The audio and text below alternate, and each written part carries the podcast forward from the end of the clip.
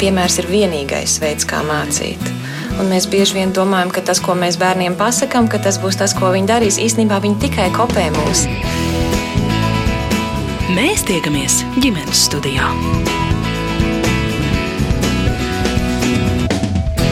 Labdien, un esiet sveicināti ģimenes studijā! Mani sauc Agnese Linka, un šodien valsts svētku priekšvakarā aicinu uz tikšanos ar Patjanko ģimeni no Rīgas. Tajā aug četri dēli - Kārlis, Jānis, Alberts un Gustavs. Varbūt šo personu vārdu komplekts jums ko atgādina. Viņu vecāki Oskars un Māra abi strādā IT nozarē, taču iepazinušies folkloras kopā un joprojām ir aktīvi šīs kustības dalībnieki, kas folkloru dažādos veidos praktizē arī savā un savas ģimenes ikdienā. Šai sarunā vaicāja viņiem par latviskumu, patriotismu un aizrunājamies arī līdz muzikālās izglītības saistībai ar matemātiku, bet sākam ar iepazīšanos, Un vispirms noskaidroju, kā tad godāt ģimeni, kurā mammai un tētim katram ir savs uzvārds. Tikai vēlāk, jau atvadoties, Māra pastāstīs, ka precoties viņa saglabājusi meitas uzvārdu kā daļu savas identitātes, un pēc tā joprojām daudz viņu atpazīst kā izcila pedagoga meitu, jo viņas tētis savulaik bijis daudz Rīgas ģimnāzistu labi ieredzēts matemātikas skolotājs.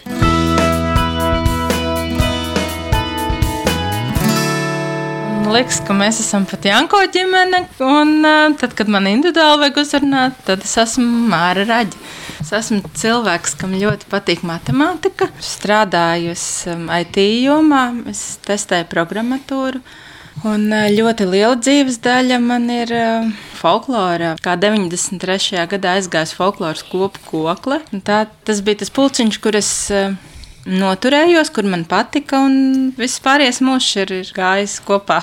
Un vēl es esmu māma četriem bērniem, četriem dēliem. Tā ir tāda liela dāvana, vai ne? ļoti liela. Mm, Jāņos parasti vīrs mēģina tos četrus dēlus noturēt. Nu, pagaidām viņam vēl izdodas visus četrus reizē pacelt gaisā. Gaisā pacelt noturēt. Jā, esmu Oskars Patjanko. Mūsdienās cilvēkiem ir daudzas identitātes, varbūt. Manā gadījumā tas arī tā, ka ikdienā esmu IT speciālists firmā, kas uztur valsts sistēmas, bet uh, liela manas personības daļa ir saistīta ar mūziku, un tieši tautas mūzika man ļoti interesē vecā mūzika un kā to spēlēja, un, un, un visi stāsti. Un, un tas man arī ļoti būtiski. Jā, to var redzēt patiesībā šeit pie jums esot. Virs mājas bibliotēkas ir plaukts ar uh, instrumentiem. Tie ir akordioni, vai tā ir Oskara vai Māra jūsu kolekcija, Māra saka armoņikas. Armoņikas, jā. jā, tā ir Oskara kolekcija. Mums pa skapiem vēl stāv saliktas armoņa, kas uz otras kapja vēl vijoles pāris stāv. Dēls lielais čels spēlē un vidēji abi vijoles spēlē. Kāpēc tieši armoņikas? Tāpēc, ka es arī studēju mūzikas akadēmijā, etnomuzikoloģiju, un eh, studējot, es sapratu, ka tā ir tāda mazāk pētīta niša, Tad es tieši mēģināju pētīt eh, speciāli tādu harmoniku veidu, kas Latvijā kādreiz bija pazīstams ieviņas. Tas ir tāds eh, vai akordeona veida instruments, eh, kura vēl pirms kādiem 80 gadiem visur vidzemē, nu, gandrīz katrā lauka sētā viņas spēlēja, un bija daudzi meistari, kas viņas profesionāli izgatavoja. Tā bija tiešām tāda nu, ļoti tāda nozīmīga lieta, bet um, laikam ejot, pavisam maz tos ziņas palikuši par to instrumentu, un tad es um, pētīju un, un centos vākt ziņas un, un mūziku veco atrast. Un, tas man liekas svarīgi. Un tāpēc tieši harmonikas. Un tas viņas arī nu, cenšos nedaudz restaurēt, bet uh, ar šo visu ģimeni un darbu tas ir nu, varbūt tāls nākotnes jautājums. Tāpēc viņas vēl tāds instruments glabāja. Labi, par māmu un tēti esam drusku ieskatu guvuši. Kā sauc tevi? Kārlis Patjanko, seju 8. klasē. Ārpus skolas spēlēju čelu un arī eju Boulderingā ir tāda kāpšanas veids. Kāpšanas veids? Tas ir pa sienu. Ar ko tas atšķiras, piemēram, nezinu, no alpīnisma vai klinšu kāpšanas? Tā ir klinšu kāpšana. Tur nav drošināšanas, un tur apakšā ir matrači, un tas ir līdz 5 metru augstumam. Un tad ar mūziku arī esi uz to tāpat kā vecāki? Ne tik um, daudz, bet jā, nu, es arī no nu, 1 līdz 6 klasē gāju skolā ar mūzikas novirzienu, tā kā mums bija solfeģo, un mums bija arī orķestris, kuras spēlēja kādu instrumentu. Jā, jā. nu čelu. Mm. Un tagad čelu turpini? Jā, pie privātas skolotāja tagad. Labprātīgi vai brīvprātīgi obligāti? Es teiktu, abi. Jo man pašam patīk spēlēt, bet lielākā daļa, ko skolotājs uzdod, ir diezgan kaitinoši spēlēt. Piemēram, viņš man katru reizi prasa labāk un labāk, kas ir grūti dažreiz.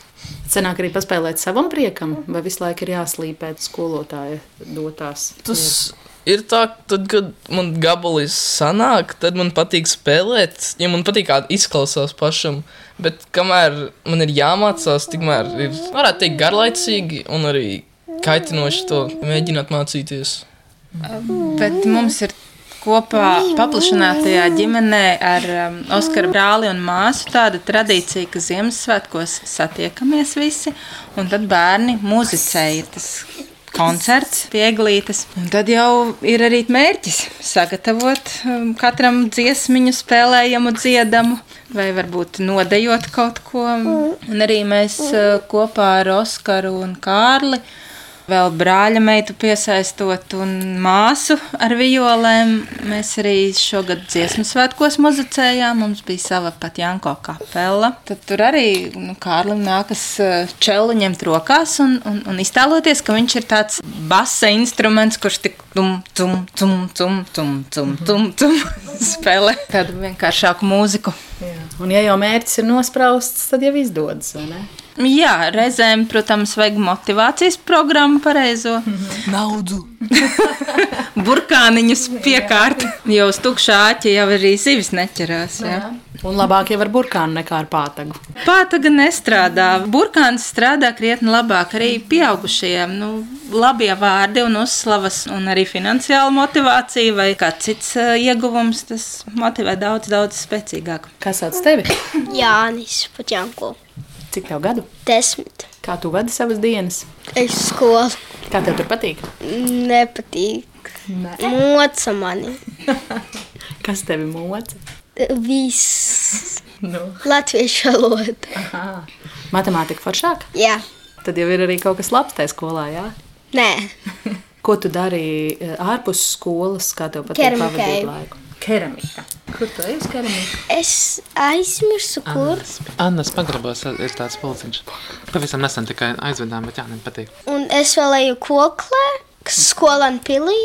Un vēl pirmdienās, trešdienās violi. Kokla ir folkloras kopa, kokla, kas skolām pilī, un tur ir fantastiski. Uh, skolotāji, nu, gan es, gan Māra arī esam gājuši koklē, un tad arī nu, aizvedām bērnus, un viņiem tiešām patīk. Tur visu ko dara, un mazākie bērni lielākoties tad varbūt zied un, un iet rotaļās. Dejo. Tad dejo lielāki bērni, tad tur daudz muzicē un spēlē dejas, gan, gan visu ko. Arī bērni muzicē. Ja? Jā. Jā. Forši tā folkloras kopā. Jā. Ko vēl tev patīk darīt mājās, tad, kad tu esi? Iet uz veikalu. Iet uz veikalu. Rīgas centrā dzīvojot, taču veikali viss ir tuvu, vai ne? Tā Jā. iespēja ir jāizmanto. Ko tu visbiežāk pērc veikalā? Dažreiz končus, dažreiz limonādi, bet uh, sulu visvairāk. Sula labākā limonāde, es piekrītu. Un tad tu dalies ar tiem, kas mājās. Ja tā ir mana nauda, tad nē, bet ja tā ir vecāka nauda, tad jā. Nu, Jānis mums ir loģistikas un iepirkumu menedžeris.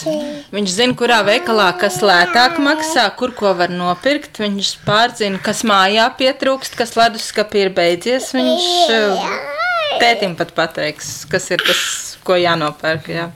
Tas ir ļoti vērtīgi, ka tāds viens cilvēks ir ģimenē, vai ne?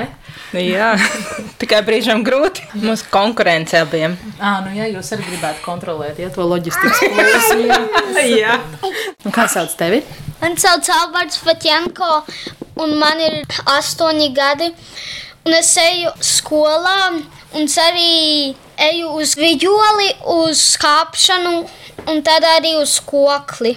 Un es kāpšanā dažreiz daru um, grūto kāpšanu un boulderingu, un arī sacīkstes. Tā bolderingā tu dodies brāļa pēdās, ja tā ir brāļa iedvesma. Nē. Nē, es biju pirmais. Es ar Jāni iedvesmojāmies no viņa. Māra sākumā kaut kādu reklāmu, man liekas, atrada. Un tad Alberts gribēja, laikam, izmēģināt. Un tad man Māra pastāstīja par to, ka Alberts gāja tajā kāpšanā. Un tad es teicu, o, oh, interesanti varētu būt. Un tad es pamēģināju. Un, man liekas, Jānis bija mēģinājis pirms manis, bet um, tagad vienīgie, kuri turpina kāpt, ir es un Alberts. Jānis padavās jau sen. Tas ir grūti. Dažreiz jā, ja ir augstu jākāpj, mm -hmm. un arī ja ir lielā tālumā. Tas ir ļoti grūti, ļoti grūti. Es pat nevarēju uzkāpt uh, līdz tajām malām, kur ir kaut kāds slīpi. Tādēļ es padavos. Nu, pēc pirmajām nodarbībām puikas sūdzējās, ka vēders sāp, presīte un rokas sāp. Un, um, tad, kad es izmēģināju boulderingu, tad bija tā, ka trīs dienas es vairs neko nevarēju rokās paņemt. Kāpēc? Pirksti nav pieraduši pie tā, ka kāpšana, turēšanās, tas tāds no malas liekas, ah, nu tur uzkāpja, nokāpja, pasēž maliņā, paskatās. Bet uh, nu, tas ir arī ļoti sazemējošs sporta veids, ka tu esi šeit un tagad. Tad, kad tu kāp pa sienu, tu neko citu nedomā, tu esi šeit. Nu, tāda kā meditācija sanāk. Un arī ļoti nu, tāds uh, attīstošs sporta veids. Jo iesildīšanās, visas arī muskuļu grupas, jā, tas ir otrs labākais aiz peldēšanas. Vismaz tā treneris saka. Lūkā. Jūs arī esat pamēģinājis? Nē, nē. pietiks jau ģimenē. Jā, kāpēc? kāpēja. Bet tas nav tā bailīgi, ka viņi kāp bez tās uh, drošināšanas, nu, bez tās sasaistes. Ir grūtāk kāpšana. Tad tas nozīmē, ka ir sistēma, un tad kāpj tur tos 20 metru augstumā, vai, vai cik tur sporta zāles, tur tās malas Rīgā ir nu, pāris vietas, kur, kur ir kāpšanas sienas. Kāpšana ir ļoti baisa. Jā, par Gustavu jums visiem kopīgi ir jāpastāsta, kāds viņš ir. Pusotru gadu vecs Gustavs. Ja? Jā, Gustavs piedzima gandrīz pavasara saulgriežos, 23. martā. Viņš ir ļoti veiksmīgs bērns, jo viņš ir vienkārši priecīgs un, un, un tāds labsirdīgs un, un jauks. Kā pastarīts. Jā, jā, jā, jā, jā, jā. Ja būtu raksturā kā viens otrs vecākais tad es nezinu, vai mēs izturētu vecāku. Man liekas, ka viņš ir ļoti mīļš un ļoti mīlīgs. Un viņš ir ļoti enerģisks un arī ir ļoti noguris. viņš ir mīlīgs, bet viņš dažreiz skrāpē, ja tu viņu kaitini kā vienu reizi. Un arī, ja tu viņam parādīsi mēlu, viņš pats parādīs mēlu uz tevis. Čau māk bišķiņ pastāvēt par sevi, ja? Viņš ir ļoti kustīgs. Dažreiz viņš var būt arī diezgan kaitinošs. Izvadājot manas lietas, no nu, manas istabas uz nekurieni, tā liekas. À, vēl viņam patīk kāpt, jo Kārlim gulta ir krietni virs zemes, un tad Gustavs jau gada vecumā jau mēģināja rāpties pa trepēm uz augšu. Arī varēs iet uz boulderingu. Paklauk, kā jūs sadzīvojat visi trīs un četri savā starpā? Ko? Viņš man katru dienu kaitina. Es nevaru dabūt mieru no viņa. Vienīgais veids ir, jo es skatos planšeti, jo man tas ļoti patīk. Un es varu tad uzlikt kauciņus un kaut ko klausīties. Tas ir veids, kā sadzīvot. Ja? Jā. Mani vidējie jaunākie brāļi visu laiku kaujās, moca manu mazāko, un es vienkārši sadzīvoju ar visiem pārējiem. Tā. Agrāk es viņus visus mocīju, Albertu un Jāni. Bet jā. tagad, eh, tagad esmu mierīgāks. Tu izaugi vienkārši. Jā, starp citu, puikas visi mācās vienā skolā. Iesākumā mācījās, bet tad Kārlis aizgāja uz gimnāziju. Nu, tad tagad numur divi un numur trīs mācās kopā. Nu, Gustavam vēl visas iespējas izvēlēties skolu.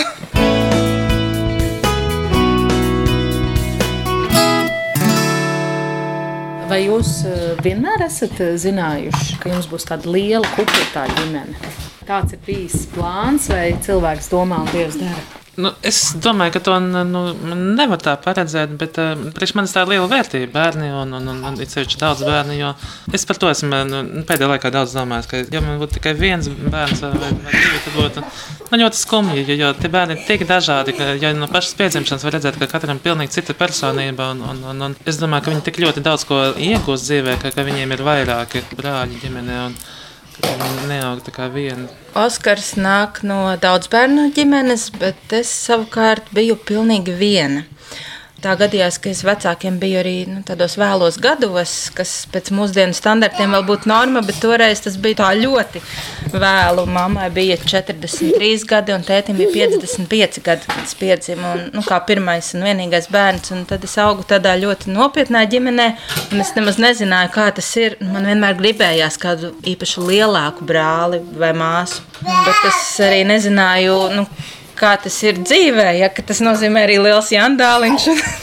tomēr arī tādas praktiskas grūtības, ka rudenī visiem pēkšņi kurpes ir par mazu, zābaki nekas nedara, šalas cimdi pazuduši, jakas spiež, un tad to visu sarūpēt, un brīžam jau sanāk arī tā rīvēšanās par tām interesēm, bet es domāju, ka ir forši. Kāds ir jūsu satikšanās un jūsu ģimenes tapšanas stāsts? Nu, mēs uh, apgājām tajos folkloras pasākumos uz dančiem, un tad es ievēroju māru. Man liekas, o, oh, beigas labā meitene spēlē tur visādus instrumentus un, un gudra un tā, un, un nu, tad jau bija. folklora ir tā, kas jūs savat kopā ar viņu. Jā, folklora, jā, un um, koklas vadītāja Dina, kā mēs viņu saucam arī mama Dina, jo koklē mēs visi kādreiz bijām viņas bērni. Viņa man reiz teica, nu man koklē tāds foršs puisis, nu tieši tev derētu. Tā viņas vārds piepildījās. Tas ir kā kaut kādās reliģijās arī, kur vadošais priesteris vai mācītājs sazīmē pāri. Ja? nu, laikam Dina bija kaut ko iezīmējusi, ka puisis datoriķis un, un foršs. Un, Un tiešām Oskars ir ar fantastisku piedevu klāt ar, ar visu viņa ģimeni. Oskaram ir brīnišķīga māsa un, um, un, un mamma un tētis. Tā kā man, mana tēta vairs nav šajā pasaulē. Un uh, mamma pāris gadus jau ir pansionēta ar demenci, tad uh, es ļoti jūtu to, ka no pirmās dienas viņi man pieņēma, ka meitiņa. Un tas ir tik, tik fantastiski, ka man ir uh, paplašināta ģimene, jo man nav ne brāļa, ne māsa, un man ir daudz brālēnu. Gan man ir daudz. Jā. Un, kā tā folkloras lieta ienāca jūsu ikdienā, tas arī bija kaut kā pašā bērnībā jau?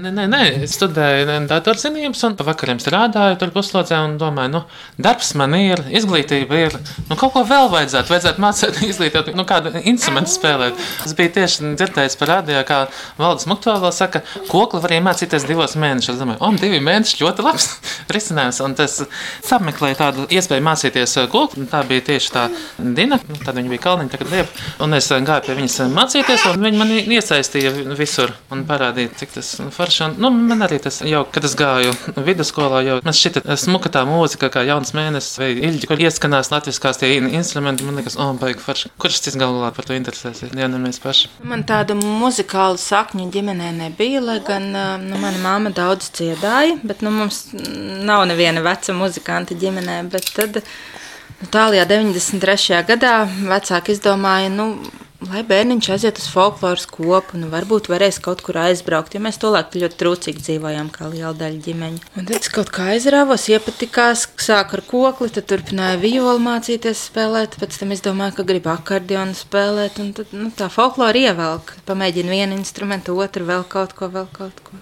Tāds ir palicis jūsu ikdienā, kā dzīves sastāvdaļa. 30 gadu garumā, ja jūs pieminējāt 93. Jā, sanāk jau 30 gadi šogad.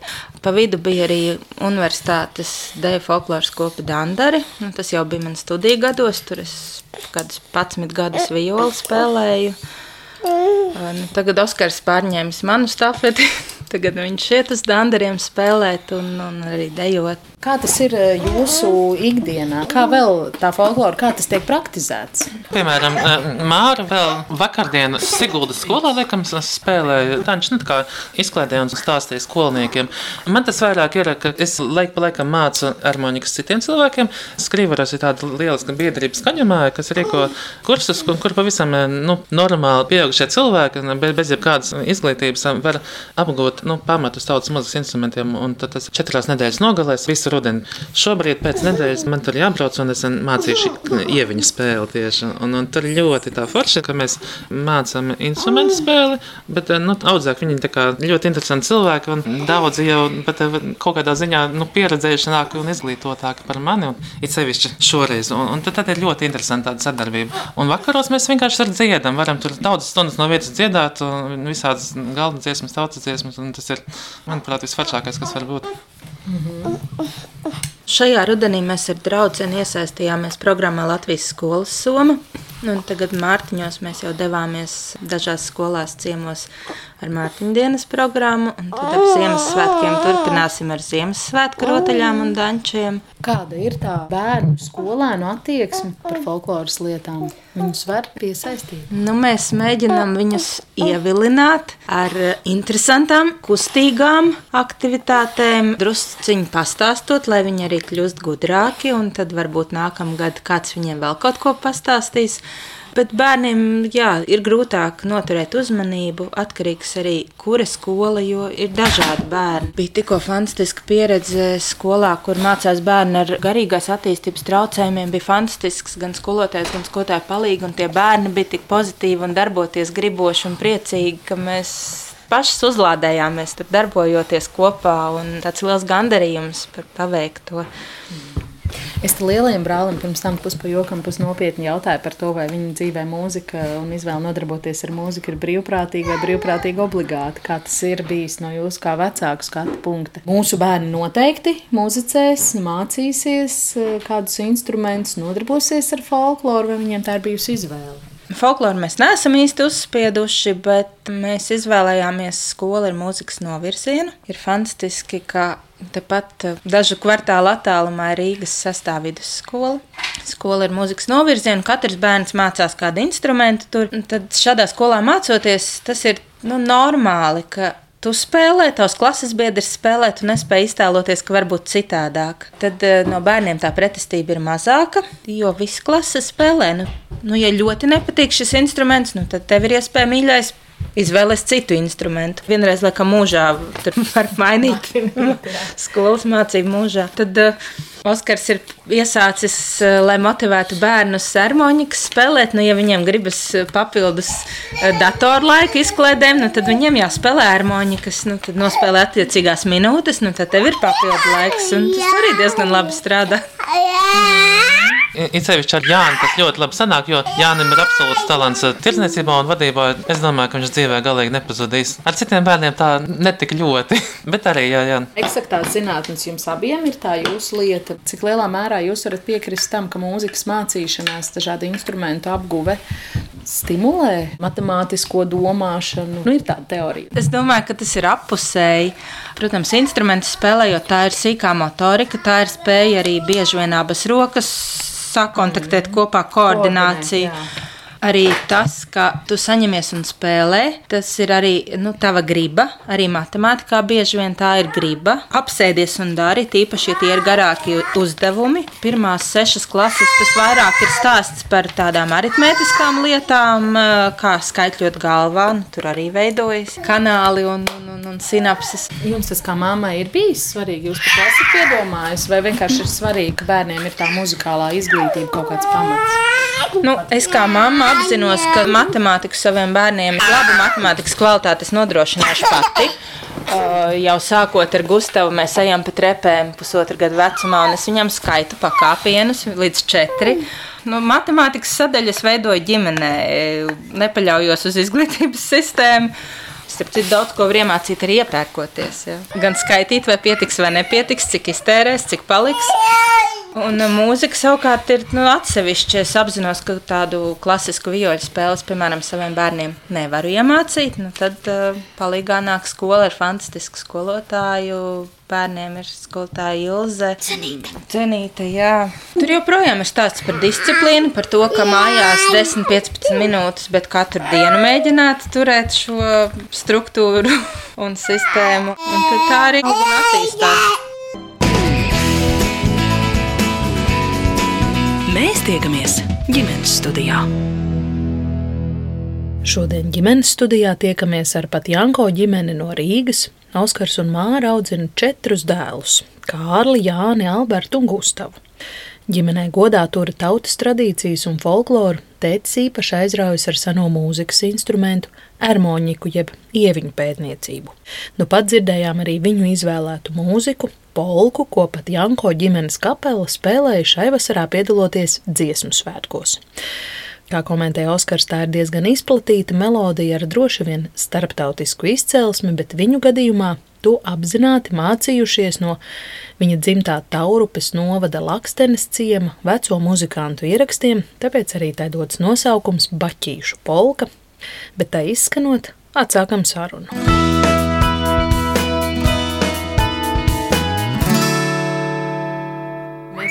Tiekamies šobrīd laikā starp Latvijas dienu un un Latvijas dzimšanas dienu, jeb proklamēšanas svētkiem 18. novembrī.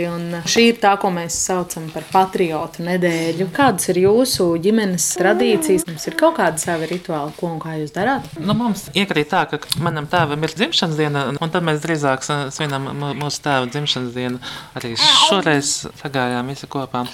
Latvijas dzimšanas dienā mēs vienmēr atzīmējam pie galda, cenšamies sajiet ģimene kopā. Ļoti tādu redzamu tādu tradīciju, kā citi iet ar lāpām vai rīkot tādas pasākumus. Nu, tas mums uh, gluži nav, bet es esmu dziļi pārliecināts, ka tās patriotisms tas drīzāk ir tāda lieta, ko vajag ikdienā praktizēt un kā tu, tu attiecies pret savu valsti. Un, kad vai tas, ka tu strādā un maksā nodokļus, nelamā valdība, bet saprot, ka visas problēmas ir nu, sarežģītas. Viņas nevar tā vienkārši atrisināt un ka rītdien būs visiem nauda vai visi ceļi būs labi, jo tas vienkārši nav iespējams. Un tad atbildīgi sajūta pret savu dzīvi un, un pret citiem. Un tas, manuprāt, ir tas lielākais tāds, ko mums vajadzētu darīt. Nu, arī manā ģimenē nu, nav neviens aizbraucis ārzemēs strādāt, un es arī nekad neesmu gribējis un, un nekad to nedarīšu, jo nu, kādam šeit jādzīvo, un, un kas ir nedaudz lielāka alga, un kas no tā mainīsies. Māra? Dzīves uh, steigā es laikam tādas āršķirīgas lietas varbūt pat neizdaru, nepiespraužu lentīti, bet uh, tā lentīte man ir tur iekšā sirsniņā, un um, kad uh, mamma mani gaidīja, tad viņa lasīja tautas dziesmas, viņa zināja, ka būs meita Māra, un tad man arī tā sajūta, ka es esmu šeit piedzimusi, un ka šī ir mana Latvija, un tad es šeit dzīvoju un daru to labāko, ko es varu izdarīt, sākot jau ar sevi, savu māju, savu ģimeni, nu, un tad ejot ārpus. Kas jums ir tas latviskums? Kur ir tas kodols? Es domāju, mūsu kultūra, tas, kas mūs padara par latviešiem, un eh, tas arī ir daļai, kāpēc es arī aktīvi interesējos un cenšos popularizēt tieši tautas mūziku un tradīcijas, jo uh, turpināt tos, kas bija agrāk. Gan valodu, gan mūziku, gan arī attieksmi. Jo man ļoti interesē, patīk aizbraukt pie veciem uh, muzikantiem vai klausīties intervijas un mēģināt satikt, jo tādā veidā tas satiecies ar to laiku, kāds bija agrāk. Un, un, kad cilvēks stāsta par kāru un, un kāda bija Latvijas laika vai visu to, kas vēsturē, kas ar viņiem noticis, ir ļoti labi apzināties, ka tu esi šeit, Latvijā, un nezinu, man tas liekas ļoti svarīgi to kā, turpināt. Kāds varbūt teiks, nu, ko tur mums daudz skatīties atpakaļ, mums vajag moderno latvietību, citādu. Jā. Nu, bet tas jau nav pretrunā, manuprāt. Pagātnē tas viss iepriekšējās pieredzes veidot tas, kādi mēs esam kā cilvēki. Un nu, mūsdienu moderns vai, vai mūsdienīgs, nu, viņš jau nav pretrunā, bet ir tik lieliski, ja tas būtu vēl papildus vēl saistītāk ar to, kā bija iepriekš, un nu, izmantot kaut ko, padarīt tās iepriekšējās pieredzes par savām un atrast tur to vērtīgo.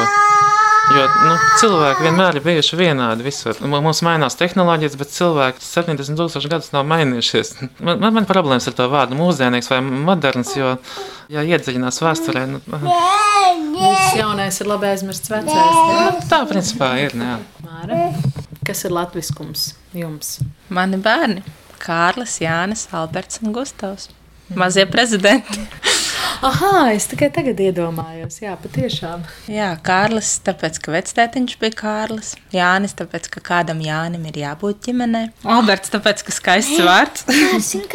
Un Gustavs, tāpēc, ka viņu krustāvs. Nu, šajā četrotnē, nu tad jau Gustav tikai pietrūka. Piedomājiet arī par to, ka savus uh, puišus izaudzināt par latviešiem.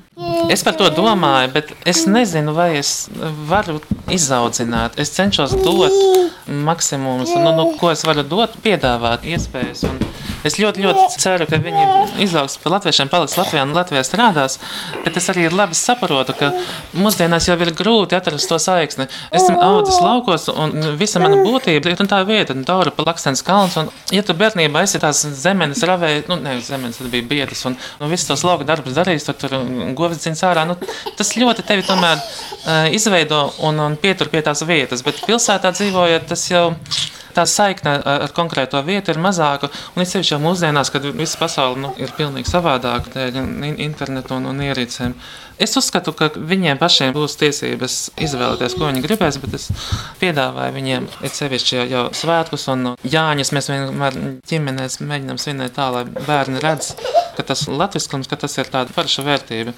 Nu, Oskars jau minēja laukus, um, taurupi un um, tā ir tā vieta, kur ir īpaši pēc Covid sākšanās, kur mēs smēlāmies enerģiju, kur mēs uh, evakuējamies no lielpilsētas trokšņiem un, un, un, un putekļiem, un tad pie katras iespējas tur dodamies un, un, un jā, sazemēšanās ar dabu. Droši vien neesam pirmie, kas to saka. Mm. Bet tāda doma, mukt no pilsētas pavisam prom uz kaut kurieni, tas tagad bišķi tā kā modē kādu laiku jau ir. Nav bijusi. Nu, ir bijis, bet tā kā mums bērni ir aizgājuši skolā Rīgā, nu, tad nu, grūti viņiem būtu mainīt video. Un, un, un, nu, protams, Rīgā ir labāks iespējas, ka viņiem ir skola ar mūzikas novirzienu, kas laukos būtu grūtāk. Bet nu, tā pašā laikā arī tā nu, pie sevis tā bieži nožēlē, ah, cik žēl, ka man bērni ikdienā nedzīvo. Nu, ir savi plusi un mīnusi. Vasarā ir ļoti jauka laukos, un tad, kad sākas dubļu sezona, kad tu dzīvo viensētā, un, um, vai ziemā, kad ir jātiek augšā kalnā, lai vispār šo sejas tiktu kaut kur. Nu, tad, um, Bet man tās ir ļoti labas atmiņas par to, kā mēs ziemā rakām to sniegu, vai, vai arī dubļos grūdām mašīnu. Un, un, un tas viss bija ļoti forši un interesanti. Tur ir jūsu dzimtas ģimenes mājas. Jā, jā, jā, jā tieši Lakstenē. Jā.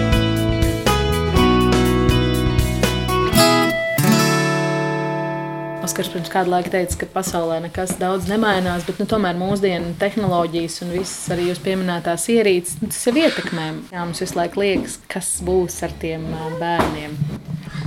Ietekme ir, jā. Angļu valodā ir brīžam labāks atzīmes nekā latviešu valodā. Man īpaši, Jānim, nē. Bet gribas domāt, ka, ka latviešu runājošā ģimenē audzinot bērnus, izglītojot um, gan muzikāli, gan sportiski, gan uh, intelektuāli, tur, kur es varu un kur nevaru, tur izvadājot uz pulciņiem. Nu, ir dots viss, uh, visas iespējas tajā sēkliņai uzaugt, un tad jau jāgaida. Kāds būs rezultāts? Kāds būs rezultāts, jā, kāda jā. latviešu izaugs. Mm. Jebkurā gadījumā mūsu bērniem būs jādzīvo nu, pilnīgi sevi citādāk pasaulē, kā mēs augām. Nu, tādiem žēl ir. Un, un, un tad izveidot tādu modeli un, un censties uh, sagaidīt, lai viņi izaug par konkrētiem tādiem cilvēkiem, kā tu esi iedomājies, to ir. Nu, Naivi cerēt tādas lietas. Drīzāk ir jāpiedāvā iespējas un, un jāizglīto, un tālāk viņiem pašiem būs izvēle. Vai šai pašā jūsu pārstāvētajā folkloras uh, kustībā, vai tur jūs redzat daudz jaunu cilvēku un bērni, pusauģi, jūsu pusaudzes uh, labprāt iesaistās? Nu, mūsu pusaudzes ir tāds uh, introverts. Nu, dziesmu svētkos bijāt piedabūjuši. Dziesmu svētkos uz... bijām, aizgājām, noklausījāmies ļoti skaisto koncertu. Bet pats arī spēlējāt. Jā, Vērmaņu dārzā ar kapelu jā. maratonā piedalījāmies. Tas bija vesels piedzīvojums. Bet kopumā tā teiksim, jauno cilvēku pārstāvniecība ir tajā visā, kā jūs vērojat? Jā, ir, bet, bet tas ir ļoti atkarīgs no konkrētiem kolektīviem un tiem skolotājiem, kas to organizē. Jo, tu, ko mēs pieminējām, Falks kopā Dina, tur ir šeit pāris pa simt cilvēkiem kopā, tur dažādās vecuma grupās iet, bet tas ir viss pateicoties konkrēti Dinai. Un, un ir vēl vairāk tādi kolektīvi, kuri piesaista cilvēkus, bet, nu, protams, varētu būt vairāk. Bērnu folkloras kustībā ir daudz. Un tad viņi izaug, tad viņi sāk studēt, tad viņi aizbrauc no saviem folkloras kolektīviem, varbūt uz citu pilsētu mācīties, tad viņi vēl sāk strādāt paralēli. Un, un tad tur daļa, daļa no viņiem pazūd, bet kādā brīdī viņi atkal uzrodas. Ja ir jaunībā gājuši uz dančiem, tad varbūt nu, vēlāk, kad ģimene un bērni ir, tad, tad neizdodas. Bet pēc tam jau atkal, tiklīdz ir kāda iespēja, tā jau tā folklora lien ārā. Nu, tas tā kā īlēnu nepaslēpsi ja, maisā. Šogad man liekas, ka tieši dziesmu svētkos gan uh, Dāņu telts, kas bija esplanādē, gan Vērmanas dārzā, gan folkloras kopas, gan, gan kapela maratons, tas viss kaut kā man liekas tāda nebijuši popularitāte baudījums arī tā šķita. Man šķiet, ka šajos dziesmu svētkos bija ļoti veiksmīgi norganizēts tas, ka bija iesaistītas visas nozares un, un vienlīdzīgi pārstāvēts. Jo, jo atcerās vēl pirms pāris reizēm, tad bija uzsvērts tikai uz tiem noslēguma koncertiem, bet šoreiz to pasākumu bija daudz un visi tādi vienlīdz, nu, ļoti, ļoti patīkami. Un, man varētu tā ir liela, liela vērtība, jo tieši folklora un arī tās kapelas un, un balss, tas, manuprāt, ir tas, kas var iesaistīt cilvēkus, jo gala koncerts un kuri, tas, protams, veido no to dziesmu svētku pamatu, bet, ja tu esi kā skatītājs korī, nu, tad tu aizej un skaties kā koncerts, tas ir kultūras patērēšana, un tur pat īsti tu nevar dziedāt līdzi, jo tad tev paskatīsies, tad slikti acis. Jā, jā, jā, jā, tā ir tāda patērēšana, tāpat tās, ko mēs darām katrs savā ierīcītē, un tieši tajās dziesmu svētku tajā noslēguma pēc tā koncerta, kad bija tas, ja jau sākās tā, tāda balīta sadaļa, bet tad izējot ārā bija tik fantastiski sajūta, ka tik daudz cilvēku visapkārt tur mežos stāv un, un tas kopums, un Manuprāt, tā ir tā lielākā. Nu, virziens, ko vajadzētu mēģināt vēl vairāk attīstīt, tieši veidot tās iesaistīt un demokratizēt, nezinu to. Jo agrāk jau, nu, gan mūsu ar mātļu, gan, gan arī man personīgi ļoti saista tajā tajā tradicionālajā mūzikā, ka, ka viņi tāda Tautas dziesmas jau nav paredzētas, lai viņas klausītos kāds. Viņas paredzētas, optimizētas, lai viņas dziedātu. Ja sevišķi kādās viesībās agrāk vienmēr visi dziedāja. Nu, mēs arī zinām tikai pirmo pantiņu. Jā, jā, jā bet uh, mums ar māru arī ļoti patīk iet uz tādiem sadziedāšanas vakariem, kur mēs varam nu, nu, daudzas stundas no vietas dziedāt tautas dziesmas. Ja kāds prasa, cik tu tautas dziesmas zini, es varētu atbildēt, kādas 4-5 stundas. Nu. Matemātiķi, kas zina desmitiem un simtiem dziesmu. Jā, jā nu es līdzīgi atceros no savas bērnības, ka aizgāja, satikās, uzēda un tad, tad dziedāja. Un tas bija tik normāli. Nu, šobrīd tā dziedāšanas sadaļa iztrūkst, jo nezinu, vai baidās no tā, ka kaimiņi nesapratīs, vai, vai vienkārši dziesmas beigušās. Jā, tautas mūzika ir demokrātiska, ka jebkurš var paņemt instrumentu rokās un nākt klāt spēlēt un, un, un var dziedāt, un jebkurš nu, var būt tajā īsajā brīdī dziesmas iesācējs. Eh, katrs var iesākt kādu dziesmu pēc kārtas. Cik dziesmām jūs zinat puikas vārdus? Uh, Es domāju, nu, apmēram. Aijā, žūžu, lāčā, bērni, aijā. Nē, nē, nav jānodzied, bet jāsaka, cik varētu būt skaita. 5 plus 5 plus 5 plus 5 plus 5 plus 5 plus 5 plus 5 plus 5 plus 5 ir 50. Es jau 60 saskaitīju. Tad sveiciens folkloras kopas skolotājai, ja? Laikam 5. Cik dziesmām tu varētu zināt vārdus? Tautas um, ja man prasīt, varbūt vienai. Bet, ja būtu jāsāk dziedāt ar vecākiem reizēm, tad viena. Es neatceros neko. Man ir svarīgāks lietas, kas man pašai. Nu, man liekas, ka tu mānies. Nē, es nopietni. Man svarīgāks pašlaik ir manas sliktās matemātikas atzīmes. Man ir jābūt augstākam par vidēju. Nu. Mums, mums katru nedēļu ir matemātikas pārbaudas darbi. Tad tu kādā ļoti labā skolā mācies. Es ar to tevi apsveicu. Man korī katru reizi, kad ir koncerts, mums jāatzīst kaut kādas trīs dziesmas, kā tautas dziesmas. Mm -hmm. Tādēļ es zinu daudz. Tad jāsaskaita, cik koncerti ir bijuši. Kādi desmit? Katru trīsdesmit.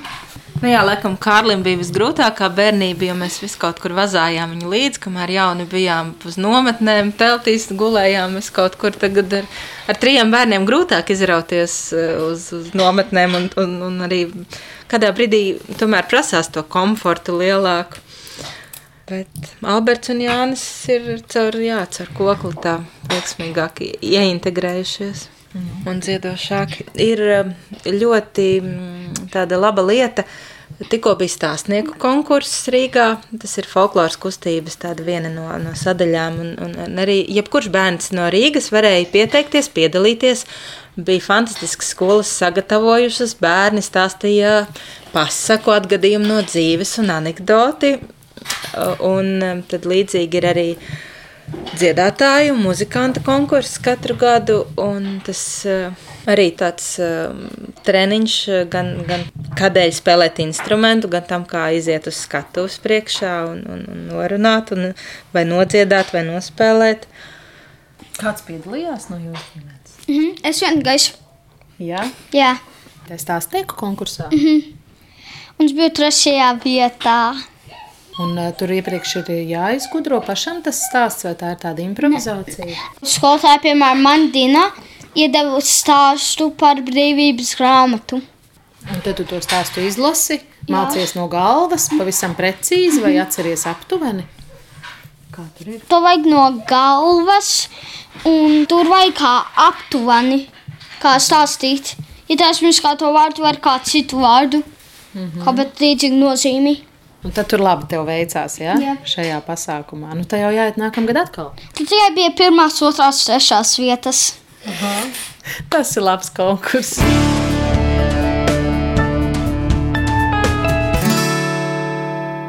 Ja vēl pāris soļus atkāpjoties atpakaļ par to patriotismu, mēs eh, te aizrunājāmies pirms tam, ka tā ir tava attieksme pret valsti. Patiesībā jau arī valsts attieksme pret tevi veido to sajūtu.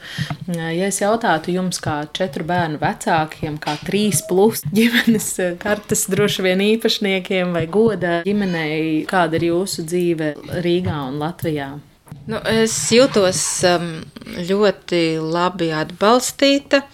Gan ar dažādu veidu teiksim, iespējām, atlaidēm, kinoteātros, grāmatnīcās, tik, tik dažādos uh, veikalos un vietās, ka brīžam liekas, ah, šeit arī trīs plus karte. Nu, paldies, brīnišķīgi. Ļoti cienu, ļoti novērtēju. Tāpat uh, elektrības atbalsts vai, vai mašīnai uh, ikgadējā puse no nodokļiem, jā, tāpat arī pašvaldības atbalsts. Um, Es kā daudzbērnu ģimenes mamma, es jūtos atbalstīta un, un, un, un novērtēju. Jūs neesat no tiem, kas sūkstās.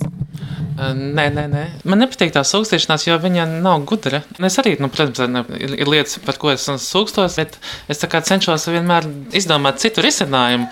Un uh, ir ļoti daudz problēmas, kurām tu nevari, nu, neeksistē vienkārši, vienkārši risinājumu. Un tās lielākoties ir, ir tās visas tās valstiskās problēmas, par ko visi cenšas nu, sūkstās un saka, viss ir slikti, viss ir slikti. Bet, ja tieši par nu, valsts atbalstu, man šķiet, ka Latvijā ir fantastiski, ja salīdzina ar nu, tas, kas ir dzirdēts kaut kādās rietumē Eiropās vai Amerikā, sevišķi, Māma var tur pusotru gadu bija pie mums nestrādāt un, un, un, un saņemt māmiņu.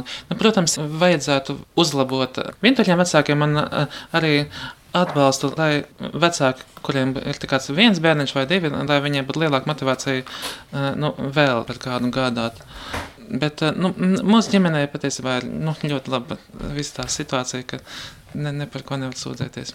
Jā, mums Latvijā ir ļoti gan nu, medicīnas sistēma, bērnu medicīnu. Es esmu nācies sastapties. Ir fantastiski speciālisti, zinoši. Bērnu slimnīca ir arī tik mīļa, mīļa tā atmosfēra, vide, tāpat izglītībā, tie pulciņi, neskaitāmie, vismaz Rīgā, kas tiek piedāvāti. Nu, Rietumē Eiropā par katru instrumentu stundu tur vecāki maksā lielu naudu. Es domāju, ka mēs brīžām pat nenovērtējam to, kas, kas mums ir. Ka mēs, ah, nu skolā tur tikai pieci pulciņi, ja, vai tur modernās dēļas, tur tautas dēļas, vēl kaut kas. Bet tas ir daudz, un, un, un tāpat eh, skolas ar mūzikas un valodas vai vēl citiem novirzieniem. Tas, ka jau skolā bērniem ir šī iespēja, tas vispār fantastiski. Man, man gribētos, lai vairāk ir tāda skola, kur būtu vai nu mūzikas, vai mākslas, vai kāds cits novirziens. Un, protams, vienmēr mēs varam vēl kaut ko gribēt vairāk. Šobrīd nu, nav par ko sūdzēties, vismaz mums. Man šķiet, vispār tā sūkstošanās tā ir viena no eh, lielākajām problēmām Latvijā. Jo eh, tās negatīvās idejas vienkārši izplatās. Tā, tā ir arī tāds folkloras paveids, ka, ka izplatās stāsts, ka ir slikti, un cilvēki tam notic, un, un, un viņi uz to koncentrējās. Tad arī nu, nemaksā nodokļus un, un brauc prom. Un, un, nu, tas ir kaut kādā veidā saistīts. Ir kaut kādas konkrētas problēmas, par to, protams, jārunā un, un, un jāprasa, lai valsts vai pašvaldība viņas risina, bet nu, tas vienkārši matemātisks mehānisks process ir risināt problēmas bet tās idejas par to visu sliktu, nu, viņas nevajag izplatīt. Vienmēr vajag domāt, un tiešām tā vai tā ir un analizēt. Reizēm laikam vieglāk ir pasūdzēties nekā ieteikt kādu konstruktīvu risinājumu.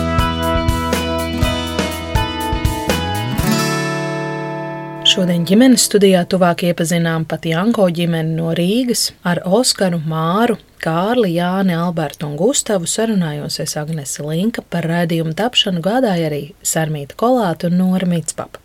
Priecīgus un ģimeniskus šos valsts svētkus jums vēlot, nu atvadāmies ar vēl vienu pat Janko ģimenes izvēlētu dziesmu ko viņi, kā paši teica, bieži klausās mašīnā braucot, un arī tad, kad jāpalīdz aizmigt ģimenes pastarītim.